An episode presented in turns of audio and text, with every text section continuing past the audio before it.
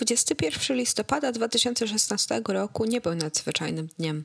Jill Walker jak zwykle szykowała się do pracy. Zanim jednak wyszła, chciała obudzić swoją nastoletnią córkę, która nie mogła spóźnić się do szkoły. Jill zapukała do drzwi Emmy, nie chcąc jej wystraszyć. Dziewczyna jednak nie odpowiadała na próby obudzenia ją przez mamę. Nawet gdy Jill podeszła bliżej i szturchnęła Emę, ta nie wstawała. Wtedy kobieta zrozumiała, że jej zaledwie szesnastoletnia córka nie żyje. Co jednak stało się tego nieszczęsnego poranka? Dlaczego młoda dziewczyna umarła? Tego dowiecie się w dzisiejszym odcinku. Cześć, to Asia. Zapraszam Cię na szklankę zbrodni. Po odkryciu swojej nieresponsywnej córki, Jill od razu zadzwoniła po służby ratunkowe. Na samym początku śledztwa wszystko wskazywało na próbę samobójczą. Emma leżała w swoim łóżku. Na pierwszy rzut oka nie było widać śladów krwi, duszenia czy walki. Policja podejrzewała więc, że nastolatka mogła przedawkować leki. Na miejscu oprócz ekipy pogotowia ratunkowego pojawiła się również Nikki Buse, czyli zastępca szeryfa i technik kryminalistyczny. Nikki rozpoczęła pracę od fotografowania miejsca zdarzenia. Na jednym ze zdjęć coś przykuło jej uwagę. Na ścianie, na wysokości łóżka Emmy, była mała, okrągła dziurka. Po inspekcji ogrodu rodzinnego policjanci znaleźli również dwie łuski po kulach oraz drugą dziurę w wielkości pocisku. Jedna z kul utkwiła w poduszce, druga po przybiciu ściany wylądowała za lewym uchem dziewczyny, uśmiercając ją na miejscu. Dopiero wtedy zauważyli, że cała poduszka pod głową dziewczyny była zalana krwią. Te dowody wykluczały możliwość popełnienia samobójstwa lub przedawkowania. Jedno było jasne. Emma padła ofiarą zabójstwa. Następnym krokiem w śledztwie było przesłuchanie rodziny i przyjaciół Emmy. Jej najbliżsi potwierdzili, że Emma była zwykłą nastolatką. Chodziła do ostatniej klasy liceum, uczęszczała na zajęcia i treningi cheerleaderek, a po szkole, jak to każda szesnastolatka, pracowała w sklepie. Podczas rozmów detektywi zwrócili uwagę na to, że gdy zapytali, czy ktoś w jej życiu źle jej życzył, każdy powtarzał jedno imię: Riley. 18-letni student w koledżu, futbolista i były chłopak Emmy. Ich zerwanie to była bardzo świeża sprawa. Riley i Emma zakończyli swój związek kilka tygodni wcześniej. Emma wydawała się odżyć po zerwaniu, natomiast chłopak nie radził sobie dobrze z odrzuceniem. Riley i Emma byli ze sobą trochę ponad dwa lata. Poznali się w liceum i wydawało się, że są parą idealną. Emma chodziła na każde jego mecze, a Riley odbierał ją z pracy. Spędzali każdą wolną chwilę razem i sprawiali wrażenie, że nie widzą poza sobą świata. Ale znajomi Emmy wiedzieli, że ten wizerunek zupełnie mijał się z prawdą. Emma mieszkała ze swoją rodziną w Sturchy Hills w stanie Tennessee. Już jako czternastolatka dostała się do drużyny cheerleaderek w swoim liceum, Central High School. Jej drużyna nazywała się The Bobcats, czyli Rysie.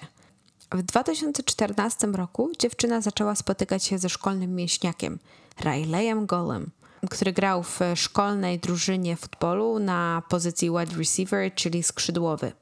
Gol w 2014 roku mieszkał ze swoją mamą i dziadkami. Chłopak sprawiał wrażenie nieśmiałego, ale uczciwego chłopca z osiedla, a boy next door. To jest bardzo częste określenie na kogoś, kto jest uprzejmy, miły, powiedziałabym nawet, że niezwykły w swojej zwykłości. Riley był dwa lata starszy, był przystojnym i wysokim chłopakiem. Emma nie mogła uwierzyć w to, że ktoś jego kalibru zwrócił na nią uwagę. Już po kilku tygodniach od poznania para była nierozłączna. Weekendy spędzali nad jeziorem lub na wspólnych spacerach.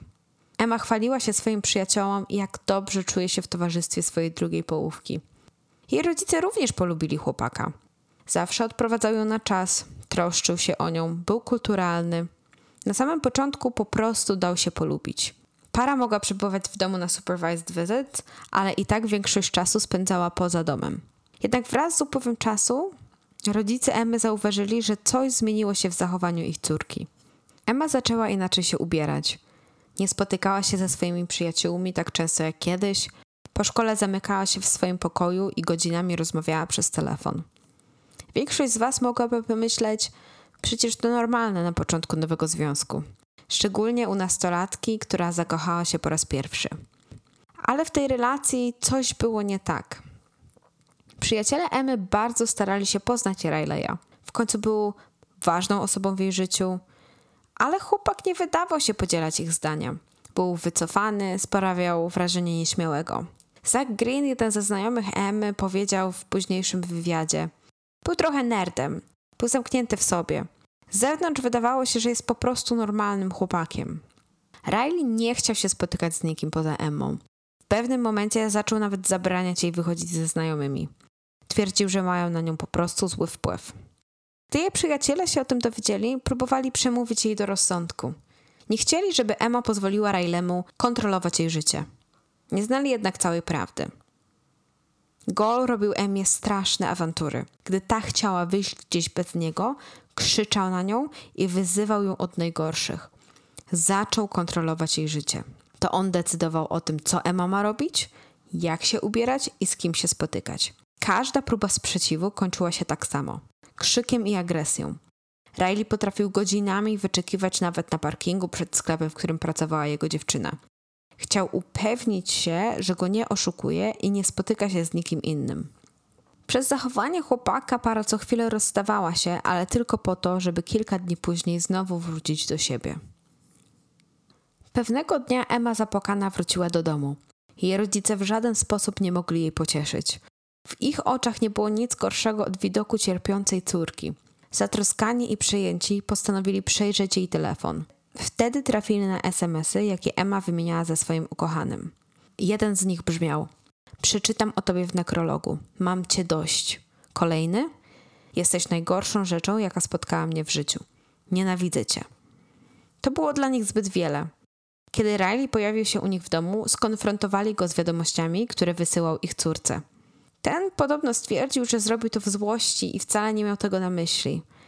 Ale mimo tego nie przeprosił za to, jak traktował Emmę. To było za wiele. Jill i Mark zabronili Emmie spotykać się z jej chłopakiem. Zabrali jej telefon i zakazali przychodzić Rileyowi do ich mieszkania. Mieli nadzieję, że dzięki temu para się rozstanie. To jednak nie powstrzymało Rileya od kontaktowania się z ich córką. Nie wiedzieli o tym, że Riley oddał Emmie swojego starego iPoda, żeby być z nią w ciągłym kontakcie. Riley zaczął ją osaczać. Chciał, żeby myślała, że nikt inny jej nie pokocha. Tylko on widzi, jaka jest naprawdę. Emma gwałtownie zaczęła tracić poczucie własnej wartości. Była przytłoczona swoim związkiem. Mimo usilnych próśb jej rodziców, Emma nie dała rady zerwać z Rileyem.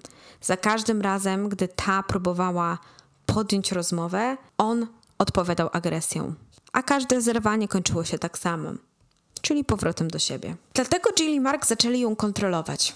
Riley skończył liceum i wybrał się do koledżu. Para nie mogła się więc widywać w szkole. Rodzice Emi wiedzieli, że wystarczy, że dadzą jej szlaban, żeby ta nie mogła widzieć się z nim na co dzień. Zaczęli więc zawozić ją do szkoły, na zajęcia i do pracy. Odbierali ją codziennie, zabraniali jej nawet wychodzić po szkole ze znajomymi. Miała po prostu siedzieć w domu, Wydawało się, że stworzenie sztucznego dystansu między parą zaczęło skutkować. W końcu w 2016 roku, po dwóch latach związku, Emma definitywnie zakończyła relację z Rileyem. Miała dość jego krzyków i obrażania się o byle co. Chciała wrócić do swojego życia sprzed związku. I tak też zaczęło się dziać. Wszyscy w jej otoczeniu zauważyli, jak bardzo Emma zmieniła się po zerwaniu. Miała coraz lepszy humor, ubierała się jak kiedyś, Riley niestety nie przeszedł tego tak dobrze. Jego znajomi wspominali później, że chłopak co chwilę mówi, że skończy ze sobą, bo nie widzi sensu bez Emmy. Swoje smutki zapijał alkoholem i próbował nawet targnąć się na swoje życie. Wszyscy podejrzewali jednak, że jego zachowanie to tylko próba zwrócenia na siebie uwagi i chłopak tak naprawdę nie zrobi nic groźnego, ani sobie, ani innym. Ale nie mieli racji. Rodzicom Emmy wróciło zaufanie do ich nastoletniej córki. Powoli zaczęli odchodzić od kontrolowania jej i pozwalali jej spotykać się ze znajomymi po zajęciach. 16 listopada Emma po raz pierwszy od dawna dostała zgodę na pójście na imprezę do swoich przyjaciół. Naprawdę nie mogła się tego doczekać. Chciała w końcu zapomnieć o całej sytuacji ze swoim byłym chłopakiem i spędzić czas w gronie najbliższych. Na imprezę wybrała się z Zakiem, jednym ze swoich najbliższych przyjaciół. Od tygodni mówiła mu o tym, jak bardzo nie może się doczekać domówki, co na siebie założy i jak świetnie się będzie bawić. Ale gdy dotarli na miejsce, ku zaskoczeniu wszystkich, Emma wcale nie wyglądała tak, jakby w ogóle ciągle spoglądała na swój telefon. Nie udzielała się nawet w żadnych rozmowach. W końcu Zak nie wytrzymał i zapytał się, co się dzieje. Z początku nie chciała go niczym martwić, ale w końcu wyznała, że dostaje dziwne wiadomości z nieznanego numeru. Ich treści były przerażające. Mam kogoś, kogo kochasz. Jeżeli nie chcesz, żeby stała mu się krzywda, idź teraz do swojego samochodu. Weź kluczyki i przyjdź sama. SMSy przychodziły jeden po drugim. Emma nie wiedziała, co ma zrobić. Pamiętała, do czego zdolny był jej były chłopak, ale nie chciała ryzykować. Skąd miała wiedzieć, czy nie robi tego po to, by zostać z nią sam na sam? Ale jeżeli naprawdę coś mu się stało, nie mogłaby żyć ze sobą, wiedząc, że mu nie pomogła. Zak nie dał się jednak zwieść tym wiadomościom. Próbował wytłumaczyć Emie, że Riley chce wzbudzić w niej poczucie winy, a tym samym spotkać się z nią sam na sam. A co jeżeli chce zwrócić na siebie uwagę, żeby dziewczyna do niego wróciła? To nie był pierwszy raz. Albo to mogli być jego znajomi, którzy po prostu robią sobie z niej żarty. Dlatego razem z Zakiem postanowili, że odpiszą nieznanemu sprawcy. Jeżeli nie przestaniesz to mnie wypisywać, zadzwonię na policję. Taką wiadomość wysłali do anonimowego porywacza. Jednak ona tylko pogorszyła sprawę. Kolejny SMS brzmiał: Jeżeli chcesz słyszeć, jak krzyczy, zadzwoń teraz. Spanikowana Emma błagała więc Zaka, żeby pomógł jej coś zrobić, ale on w dalszym ciągu nie wierzył, że dzieje się coś złego. Emma postanowiła więc działać sama. Po cichu wymknęła się z imprezy. E, to, co wydarzyło się później, było jak wyjęte ze scenariusza jakiegoś dramatu albo odcinka W11. Emma wbiegła z powrotem do pokoju. Ze strachem w oczach stwierdziła, że ktoś właśnie podrzucił Rayleigha samochodem pod dom, w którym odbywała się impreza. Razem z Zakiem wyszli, żeby odszukać chłopaka. Po chwili znaleźli kogoś leżącego w rowie przed posesją. Zak powiedział później, że mimo iż była noc, od razu rozpoznali Rayleigha. Kiedy udało im się do niego podejść, chłopak brzmiał na otomanionego. Gdzie jestem? Co się za mną stało? mówił zdziwiony. Udał, że nie wie, jak znalazł się pod domem, w którym akurat imprezowała jego była dziewczyna. Ale oboje z Zakiem wiedzieli, że to nie mógł być przypadek. Riley próbował im wmówić, że porywacze wrzucili go do wana, następnie zawieźli w jakieś miejsce, a tam stracił przytomność. Emma i Zak nie wierzyli w jego bajkę. Oboje wiedzieli, że to jest kolejna próba manipulacji. Tylko on był zdolny do sfingowania swojego własnego porwania.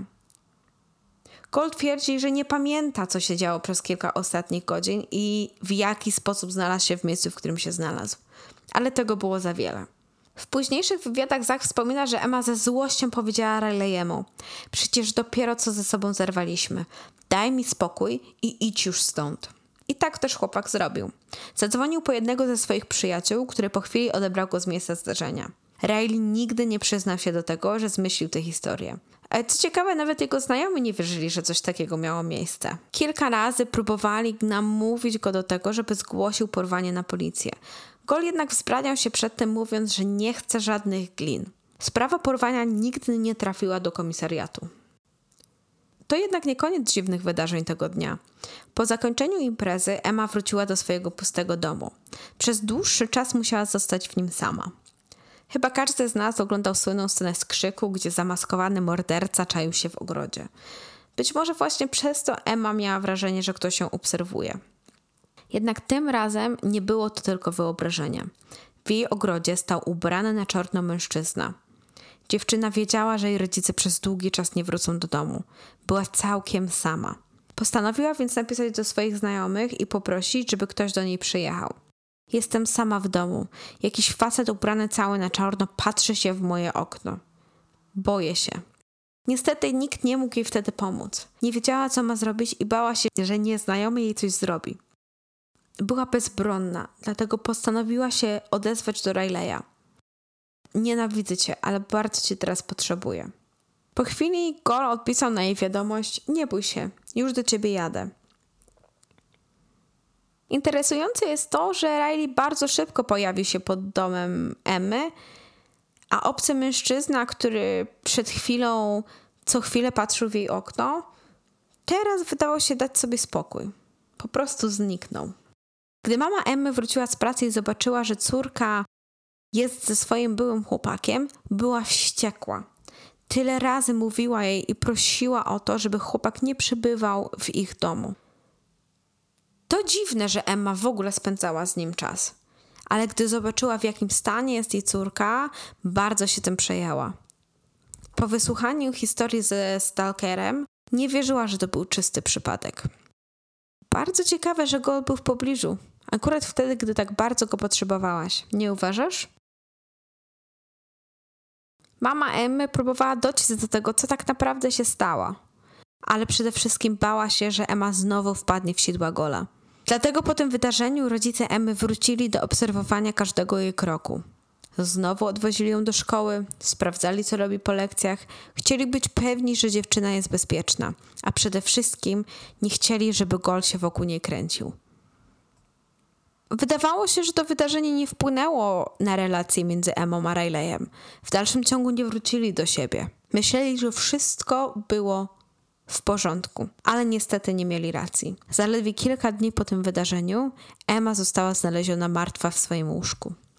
Chyba nikogo nie powinno dziwić, dlaczego policja była zainteresowana Rileyem Golem. Wysłuchując zeznań rodziny i najbliższych Emy, nie mieli wątpliwości, że chłopak miał motyw do skrzywdzenia swojej byłej. Jednak coś im tutaj nie pasowało. Riley wydawał się być roztrzęsiony i nie dawał sobie rady ze śmiercią Emmy. Po informacji o śmierci młodej cheerleaderki, na Twitterze Gola pojawiła się seria postów głoszących o jego miłości do dziewczyny. Riley tweetował: Kocham cię, Emma. Na razie nie mogę być wokół tego wszystkiego. To za wcześnie. Wiem, że ty wiesz, że chciałbym tam teraz być, ale zrozum, że jeszcze nie mogę. Kocham cię. Kolejny tweet brzmiał: To moja piękna Emma. Odpoczywaj w spokoju, moje słońce. Pierwszy hymn Koryntian 13:8. Pamiętaj, żeby przypomnieć Bogu nasz wspólny hymn. Kocham cię. Dla ciekawych zacytowany przez niego hymn brzmiał: Miłość nigdy nie ustaje. Nie jest jak proroctwa, które się kończą, albo jak dar języków, który zniknie, lub jak wiedza, której zabraknie. Widząc to, policja nie do końca chciała wierzyć, że ten zakochany chłopak mógł być podejrzany o morderstwo swojej dziewczyny. Ale nawet jego bliscy byli zaniepokojeni zachowaniem Rileya. Chłopak zupełnie nie radził sobie ze śmiercią Emmy. Zachowywał się tak, jakby wciąż byli razem. Ale nie tylko to zdziwiło przyjaciół Gola. Podczas przesłuchań jeden z nich wspomniał policji o dziwnym sekrecie, którym podzielił się z nim Gol. Futbolista bał się o swoje życie, dlatego ukradł swojemu dziadkowi pistolet. Pokazał go nawet swojemu przyjacielowi, ale utwierdzał go w tym, że ma go tylko w obronie własnej. Twierdził, że ktokolwiek zabił Emę, będzie chciał dopaść również jego. Kolejny znajomy dodał, że Riley zapytał go, jak pozbyć się odcisków palców z broni. Zarzekał się jednak, że to jego współlokator prosił go o pomoc, a on sam z tym nie miał nic wspólnego. W międzyczasie policjanci odkryli, że dziadek Rileya zgłosił zaginięcie swojej broni, którą najprawdopodobniej miał jego wnuk. Kaliber broni zgadzałby się również z pociskami, które znalezione zostały na miejscu zbrodni. Te dowody wystarczyły, aby śledczy zaprosili młodego chłopaka na przesłuchanie. Obraz pogrążonego żałobą futbolisty prysł. Podczas rozmowy z policjantami Riley ani razu nie wypowiedział imienia Emmy. Pytany o swoją byłą dziewczynę, którą tak bardzo kochał, mówił o niej jedynie ta dziewczyna lub ta dziewczyna, która umarła. Starał się unikać tematu ich związku. Twierdził, że w dniu śmierci rzeczywiście chciał spotkać się z dziewczyną, ale ta mu odmówiła. Dodał, że wyzywała go przez telefon, przeklinała i krzyczała. Emma rozłączyła się i zablokowała numer, z którego dzwonił. Riley bardzo kiepsko to zniósł. Według jego zeznań chłopak przez kilka godzin siedział w swoim aucie i płakał. Po pytaniu o to, co dokładnie robił przez cały dzień, powiedział, że najpierw był u znajomych, a później u swoich dziadków. Nikt nie mógł jednak potwierdzić tego, że resztę czasu spędził sam w samochodzie. Wyglądało na to, że Riley po prostu zniknął na dłuższy czas. Zapytany o zeznania swoich przyjaciół o broni i pozbycie się odcisków palców, Riley twierdził, że nigdy nie doszło do takich rozmów. Nie pokazywał broni żadnemu z nich, bo jej po prostu nie miał. Policjanci nie byli jednak podatni na jego manipulacje. Podczas przesłuchania przyznali, że jego dziadek zgłosił kradzież broni. Riley nie zareagował na to emocjami, tylko zaprzeczył, że nie wie o jakiejkolwiek broni, o zaginięciu. Nie pamiętał nawet, żeby jego dziadek miał broń o kalibrze 9 mm. Już wtedy śledczy wiedzieli, że to przesłuchanie nie doprowadzi ich do odpowiedzi. Zapytali tylko jeszcze, czy mogliby przeszukać jego telefon. Dopiero wtedy Gol się zdenerwował. Na to pytanie odpowiedział: czy jestem podejrzewany o zabójstwo? Po wyjściu z komisariatu policji, Gol był wściekły. Jego maska zatroskanego i zagubionego chłopaka opadła. Od razu postanowił zadzwonić do swoich znajomych, żeby sprostować całą sytuację. Błagał ich wręcz, żeby odwołali swoje zeznania. Twierdził, że to przez nich ma problemy. Przerzucił winę na swoich znajomych. Próbował jednak zrobić wszystko, żeby chłopcy odwrócili od niego podejrzenia. Zakazał im również kontaktować się z policją w jego sprawie. Wiedział, że ma na swoich plecach detektywów, którzy nie odpuszczą, dopóki nie znajdą mordercy Emmy. Walton i McCarthy, bo tak mieli na nazwisko chłopcy, byli przejęci zachowaniem Rileya. Zdawali sobie sprawę z tego, że chłopak jest niebezpieczny nie tylko dla siebie, ale także dla innych. Dlatego jego znajomi postanowili pomóc policji w schwytaniu ich przyjaciela. Zaproponowali, że wyciągną od niego jak najwięcej informacji o popełnionej zbrodni. Planowali spotkać się z nim i nagrywać całą rozmowę na dyktafony, a później przekazać je policji. Riley niczego nie podejrzewał. W trakcie rozmowy przyznał się do posiadania broni. Myślę, że cytat, który teraz usłyszycie, powinien być w języku angielskim, bo to oddaje charakter Rileya. I had the gun because I was scared. I would hurt myself before I hurt Emma. You just tell them you were on acid, high, and drunk, and you didn't understand me. Yeah, just do that because they don't know anything, or I would be in jail right now. You're in an altered state of mind, so you didn't know what you were saying. Chłopcy osiągnęli to, co mieli zrobić. Przyłapali Rileya na przyznaniu się do winy. Dalej mówił: Powierzam wam moje życie, chłopaki, bo jak mnie skażą za coś, czego nie zrobiłem, to grozi mi 70 lat w więzieniu. Chciałbym, żeby mi było przykro, ale tak nie jest. Jak wystarczająco daleko wyrzucę broń do rzeki Tennessee, nigdy jej nie znajdą. Policjanci trafili na to, czego im tak bardzo brakowało. Po tym wyznaniu zaczęli śledzić każdy jego ruch. Riley został aresztowany na terenie River Bluff Wildlife Area. To park, który jest położony na obrzeżach Knoxville, oddalony o około 8 minut od University of Tennessee. Sam park ma ponad 60 akrów, czyli w zaokrągleniu prawie 30 hektarów. River Bluff pokryty jest wielkimi i nieco mniejszymi jeziorami oraz wysokimi klifami. W głowie Rileya był więc idealnym miejscem na pozbycie się dowodów zbrodni. Gdyby nie to, że był pod stałą obserwacją policji, detektywi mogli nie znaleźć narzędzia zbrodni. Gol został bowiem przełapany na próbie wyrzucenia pistoletu o kalibrze 9 mm do rzeki Tennessee. Oprócz narzędzia zbrodni, śledczy znaleźli również worek z innymi dowodami. Oprócz narzędzia zbrodni znaleźli również worek z innymi dowodami. Między innymi znaleźli czarne ubranie, które podejrzewali, że należało do tajemniczego mężczyzny, który naszedł Emmę w jej domu kilka dni przed śmiercią. Te dowody potwierdzałyby więc spostrzeżenia mamy Emmy, że chłopak specjalnie próbował wzbudzić strach w dziewczynie, żeby ta do niego napisała. Podczas procesu Riley nie przyznał się do umyślnego spowodowania śmierci. Przez cały czas twierdził, że rzeczywiście strzelił w stronę domu, ale on nie chciał jej zabić. Chciał ją tylko wystraszyć. Nie miał pojęcia o tym, w jakim miejsce strzela i że przez to jego była dziewczyna straci życie. Prokuratura była jednak innego zdania. Chłopak w końcu bardzo często odwiedzał dziewczynę w jej domu. Wiedział, w którym miejscu pokoju jest jej łóżko. Wiedział również, o której porze kładzie się spać. Wiedział też, że Emma będzie po prostu w tym łóżku leżała. Tego samego dnia bardzo mocno się pokłócili, co przyznał sam Riley podczas przesłuchań. Nie było w ogóle mowy do naprawienia relacji. Riley musiał czuć się pokonany i nie widział innego wyjścia. Według prokuratury przyszedł na miejsce zbrodni z zamiarem pozbawienia jej życia. Kod Rileya twierdził, że zakochany chłopak chciał być bohaterem Emmy. Chciał ponownie przyjść na jej ratunek. Sam jednak potwierdził, że nie ma w tym logicznego zachowania. Upierał się jednak, że nie jest to morderstwo pierwszego stopnia. Dla tych z Was, którzy nie wiedzą, morderstwo pierwszego stopnia to intencjonalne pozbawienie życia człowieka, niezależnie od brutalności. Warunkiem niezbędnym do tego, żeby zostało uznane, jest premedytacja. Prokurator Kevin Allen powiedział, że Gol był opanowany, manipulacyjny, kontrolujący i toksyczny. To nie był wypadek. Chodzi o przestępczy zamiar zabicia. Mówił w mowie końcowej Allen. Gol został skazany za spowodowanie śmierci na dożywocie z możliwością ubiegania się o zwolnienie warunkowe po 50 latach. Do wyroku morderstwa pierwszego stopnia dołączył wyrok za prześladowanie, kradzież do 1000 dolarów za kradzież broni dziadka, spowodowanie bezmyślnego zagrożenia życia i posiadanie broni podczas popełniania groźnej zbrodni. Po wydaniu wyroku Riley utrzymywał, że nie chciał zabić Emmy. Podczas procesu powiedział, że chciałem ją jedynie przestraszyć, żeby znowu się do mnie odezwała.